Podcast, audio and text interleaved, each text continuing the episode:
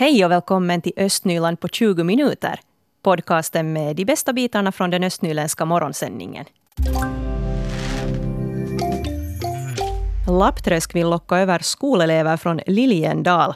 Fult spel mot en samarbetspartner. Det är rubriken för en webbartikel som vår reporter Mikael Kokkola har skrivit. God morgon Micke. Mm, god morgon, god morgon. Vad är det riktigt som händer mellan Lappträsk och Liljendal?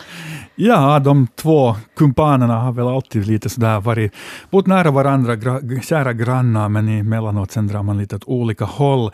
Uh, det är nu så att då föräldrarna i Liljendal, som numera då hör till Lovisa, uppmanas i ett brev som bildningsväsendet i Lappträsk då har skickat ut. Ja, de här föräldrarna uppmanas att sätta sina barn i grannkommunens skolor. Då uh, brevet börjar med Kära vårdnadshavare till förskolebarn eller första klassister. Och eh, det här brevet förvånar nu invånare i Liljendal. Och en som mm, har så att säga tagit det här lite hårt är den aktiva lokalpolitikern Tom Liljestrand. Och han tar till rätt kritiska ord. Tycker jag att det är ett fult spel så att säga, att när man mot med en samarbetspartner som ju Lovisa är, vi har ju upprätthåller ju service eller ger service på flera områden av samarbetsavtal när man försöker fiska elever från vårt område. Varför tror du man, man gör det här?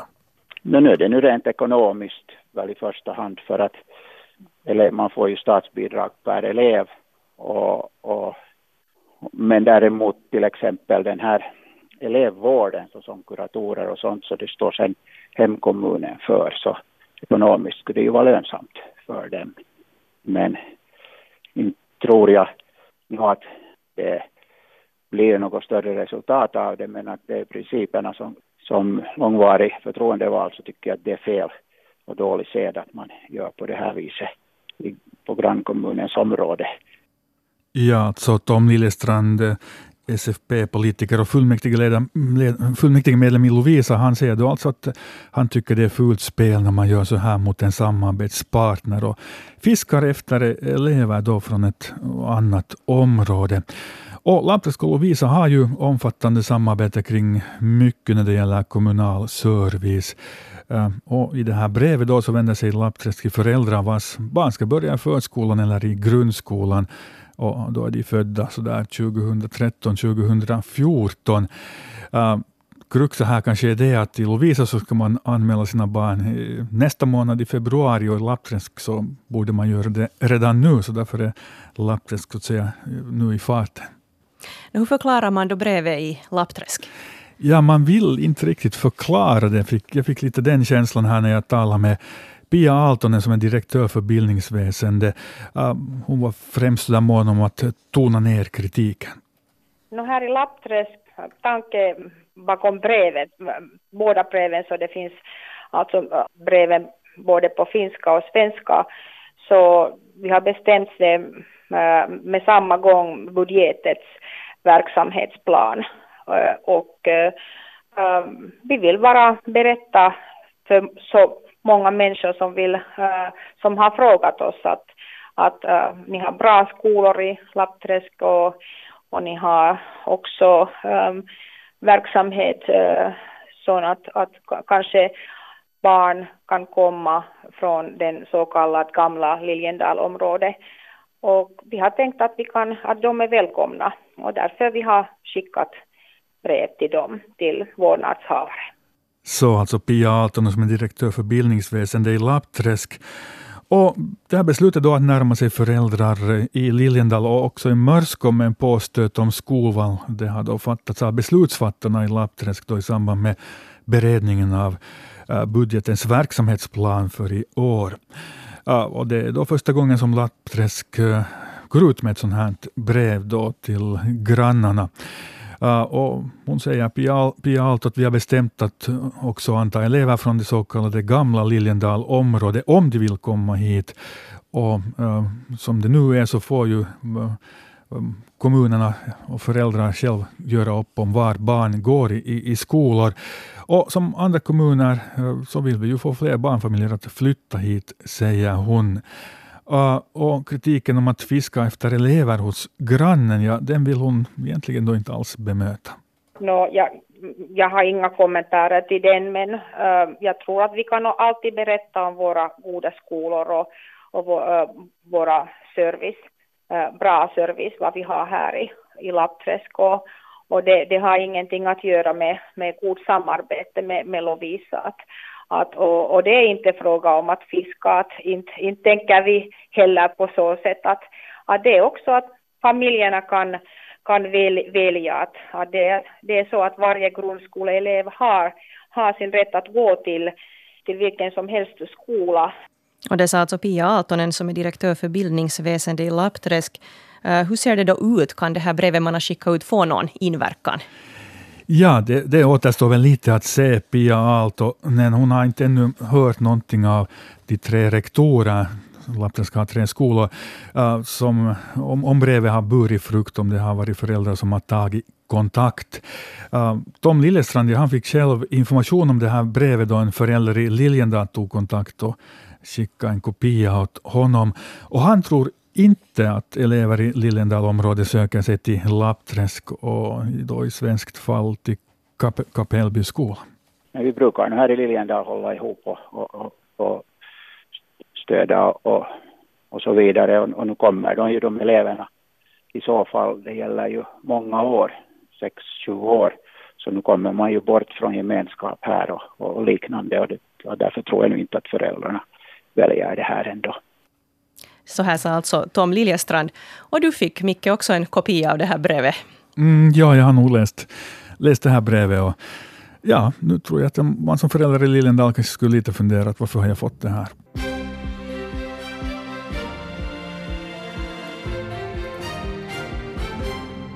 Klockan är halv åtta. Det här är nyheterna från Östnyland med Stefan Härus. God morgon. Det registrerades fler elbilar i Borgå i fjol än året innan. Det här skriver tidningen Osima idag. Totalt registrerades 32 elbilar i Borgå år 2019 mot 14 året innan. Det registrerades också fler gasbilar än året innan men ett färre antal bensin och dieselbilar. I Lovisa höll bensinbilarna ställningarna medan registreringen av gasbilar ökade. Det registrerades något färre elbilar i Lovisa förra året än året innan. Gammelbackabornas kamp för att Borgå stad ska lämna Gammelbacka skog obebyggd har burit frukt. Det nya planutkastet gäller nu enbart omgivningen vid Koselan koulu. Skogen ska bevaras som ett område för närreaktion rekreation, säger Borgostads planläggare Anne Rihtniemi Rauch i ett pressmeddelande. Planeringsområdet ligger i Hammars vid kanten av Gammelbacka skog och omfattar bland annat den före detta skolans tomt, en privat gammal bostadstomt och en smal parkremsa. Detaljplaneutkastet är till påseende till och med den 23 februari. Sibbo kommun ska dela ut idrottsbidrag till mindre bemedlade barn och unga. Kommunen har också tidigare delat ut olika bidrag men i år har kommunen också fått statliga pengar som nu öronmärkts för barn som annars inte skulle ha råd att idrotta. Idrottsbidrag är högst 50 år i månaden per barn eller ungdom. Den som får ett bidrag bör vara mellan 7 och 15 år. Det är idrottsföreningarna som ska ansöka om bidraget och sina medlemmars vägnar. Så en utnämning. Mauri Molander har utnämnts till ordförande för styrelsen i Östra Nylands handelskammarenhet. Molander är VD för Östnylands andelsbank. Östra Nylands handelskammarenhet vill föra fram näringslivets och industrins betydelse för områdets kommuner. Östra Nylands handelskammarenhet verkar under Helsingforsregionens handelskammare. Och så kan vi nu berätta att vattnet idag stängs av för en timme i Pärnu kyrkoby på grund av servicearbeten i vattentaget. Vattnet ska vara avstängt mellan klockan 13 och 14. Då vattnet kopplas på igen kan det förekomma luft i vattenledningarna och vattnet kan också vara grumligt. Byn Ebbo i Borgå är inte längre alls lika livad som den var tidigare. Förut så fanns det till exempel en svensk skola, en bybutik och ett äldreboende i Ebbo. Och numera så finns det bara ett daghem och en finsk skola kvar. Och för tillfället så utreder ju Borgostad framtiden för Epon koulu. Vad tycker då Ebbobor om det här? Det har vår reporter Hedvig Sandell tagit reda på.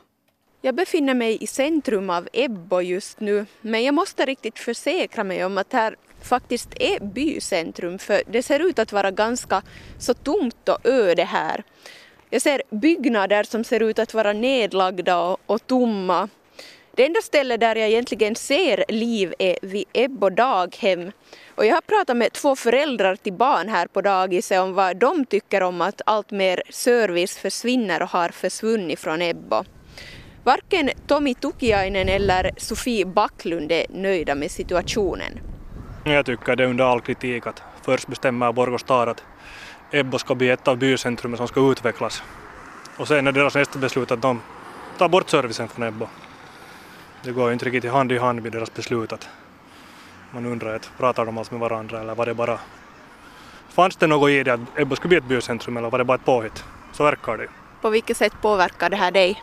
Inte på något sätt. Jag tänker våra barn far till ett svenskspråkig skola men att med den här farten är det bara en tidsfråga när Grännes skola också ska, ska redan stängas. Så, så, så. Mig påverkar det inte personligen men många andra. Men du bor ändå i Ebbo? Ja, tills vidare. Det kan ju vara att Borgå stad snart stänger dagisen och då blir man ju illa tvungen att flytta bort härifrån. Att det är ju inte riktigt en utveckling i rätt väg om det här är ett bycentrum som ska utvecklas. Då vad tycker du att borde utvecklas här i Ebbo? Att inte stänga skolorna. Det är nu en. Det kan vara en bra början. Men det skulle vara intressant, intressant att höra att vad de har tänkt att ska utvecklas här eller i andra byar. Att, att, att om det ska utvecklas så vad har de tänkt hämta hit om de tar bort nu skolan. Så. Och den här principen som Borgå stad har att det är för lite barn i byaskolorna. Nå, varför kan man inte köra barnen då från stan till byaskolorna? Varför ska man alltid köra barnen från byarna till centrum? Jag tycker att det är liksom konstigt hur de funderar att det går aldrig att göra det åt andra hållet. Sen den här saneringsfrågan är ju riktigt roligt tycker jag att Borgå stad har, har mage att gå ut med att fastigheten ska i något skede saneras. Borgå stad har ju inte så bra rekord med sina skogs, skolsaneringar eller byggande. Så tycker att det är ganska svagt av Borgå stad. Sofie Backlund, vad tycker du om att mycket service har försvunnit och fortsättningsvis försvinner härifrån Ebbo? Det är ju ganska synd. Vi är många som har flyttat tillbaka till Ebbo kanske hoppats på att saker ska hållas här för att det flyttar in personer här. Men mer och mer låter det som att det försvinner hela tiden. Det är synd. Vad tycker du att borde finnas här? Det jag hoppas som småbarnsförälder är ju absolut att dagis får vara kvar här, att det inte försvinner någonstans. Och för byagemenskapen också att finska skolan ska få vara kvar. En by mår nog bra av att barnen hålls i byn och att föräldrarna känner varandra, att det finns något gemensamt här. Och det konstaterar Sofie Backlund och före henne hörde vi också Ebbobon Tomi Tukiainen. Och det var alltså Hedvig Sandell som var reporter. Borgå stad har gjort ett sånt här utkast till utredningsrapport, som det så fint heter, om framtiden för Epon koulu. Och det är faktiskt ikväll som bildningsnämnden behandlar det här utkastet på sitt möte. Det här utkastet ska i det här skedet bara antecknas för kännedom, så det blir inte ännu något beslut om Epon koulu ikväll. Men man ska då använda de här uppgifterna som stöd senare då stan fattar beslut om skolorna i östra området och planerar framtida lösningar för skolorna i södra området. Och det som gäller Eponkoulu är ju det att antingen måste då verksamhetsförutsättningarna för skolan förstärkas eller så måste verksamheten dras in. Vi får se hur det går här. Vi följer förstås med läget. Regnbågslax planteras årligen ut i Storträsk i Sibbo storskog. Det här till glädje för fritidsfiskare. Men nyligen så var en barnfamilj på utflykt där och fick en lite otäck överraskning då de upptäckte tiotals döda fiskar.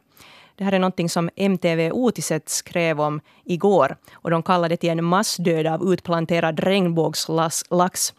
Och producenten där från MTV hade varit på skogsutfärd när då familjens barn först hade upptäckt en död fisk och sen tiotals fler. Och vår reporter Mira Bäck hon har talat med Esa Tihonen som är ordförande för Storträskets fiskeförening. Och hon frågar lite av honom vad man då tror att det här beror på att det fanns så här många döda fiskar. No, tarkkaa tietoahan siitä ei ole, mutta arvio on se, että se johtuu huonoista kalastustavoista. Ne siimat katkeaa kalojen suuhu ja koukut jää sinne sisuksiin. Ja toinen syy on tämä Suomen talvi, eli nämä vesisateet, jotka nyt on tullut harva se päivä, ja ne kun sataa suoperäiseen maahan sinne metsää, ja se vesi valuu sinne lampeen, niin pH-rajumuutos on aiheuttanut myös. Näin on arvioitu. Exakt information har man alltså inte, men eh, de tror att det beror på dåliga fiskemetoder. De här fiskelinorna går av och krokarna fastnar inuti fiskarna, berättar Esa Tihonen som alltså är ordförande för Storträskets fiskeförening i Sibbo. Och han säger också att en annan orsak till fiskdöden är den milda vintern. Det har regnat nästan varje dag och när det regnar i våtmarken i skogen och vattnet därifrån rinner ut i träsket så förändras pH-nivåerna drastiskt. Och alla fiskar tål inte det här. Tihonen sa vidare åt Mira Bäck att han tycker att massdöden då är lite att ta i att de döda fiskarna som man har samlat upp räknas i tiotal. Och årligen så planterar man ut 2 till 3 000 kilo regnbågslax. Och när de här laxarna då planteras ut så väger de mellan 1 och 3 kilo. Och det finns fortfarande tusentals sådana laxar kvar i Storträsket som sen då fiskas upp under hela sommaren och hösten. Och så fyller man då på årligen. Och man ska nu i vår igen plantera ut lite laxar. Och enligt Tihonen så är det svårt att förutspå om fler fiskar då kommer att råka ut för någonting liknande. Han pratar också, Mikael Kokkola, vår morgonreporter, här om, om träskets pH-nivåer. Det skulle gå att eh, förbättra de här eventuellt. Ja, man kan ju påverka pH-nivåer i vattendrag med att tillsätta kalk. Men äh, sen då när det gäller just naturskyddsområden och, och nationalparker så säger då Tihonen att eh, i regel så får man inte manipulera vattendragen på det här sättet. Och, det gäller då också för Storträske. Det skulle behövas ett specialtillstånd av Forststyrelsen som då har hand om Sibbo storskog. Och, äh, där på äh, Forststyrelsen säger Mikael Nordsen som är områdeschef för, för vad heter det, just Eh, Storträske att uh, han säger att det inte är möjligt att kalka där. Um, nationalparker, det är meningen att man inte där ska manipulera naturen i, i något större drag och, och att då kalka så är ju ett, ett sätt att göra, göra det på. Mm. Och så gäller det i övrigt att fiska rätt då för att fisken ska må bra.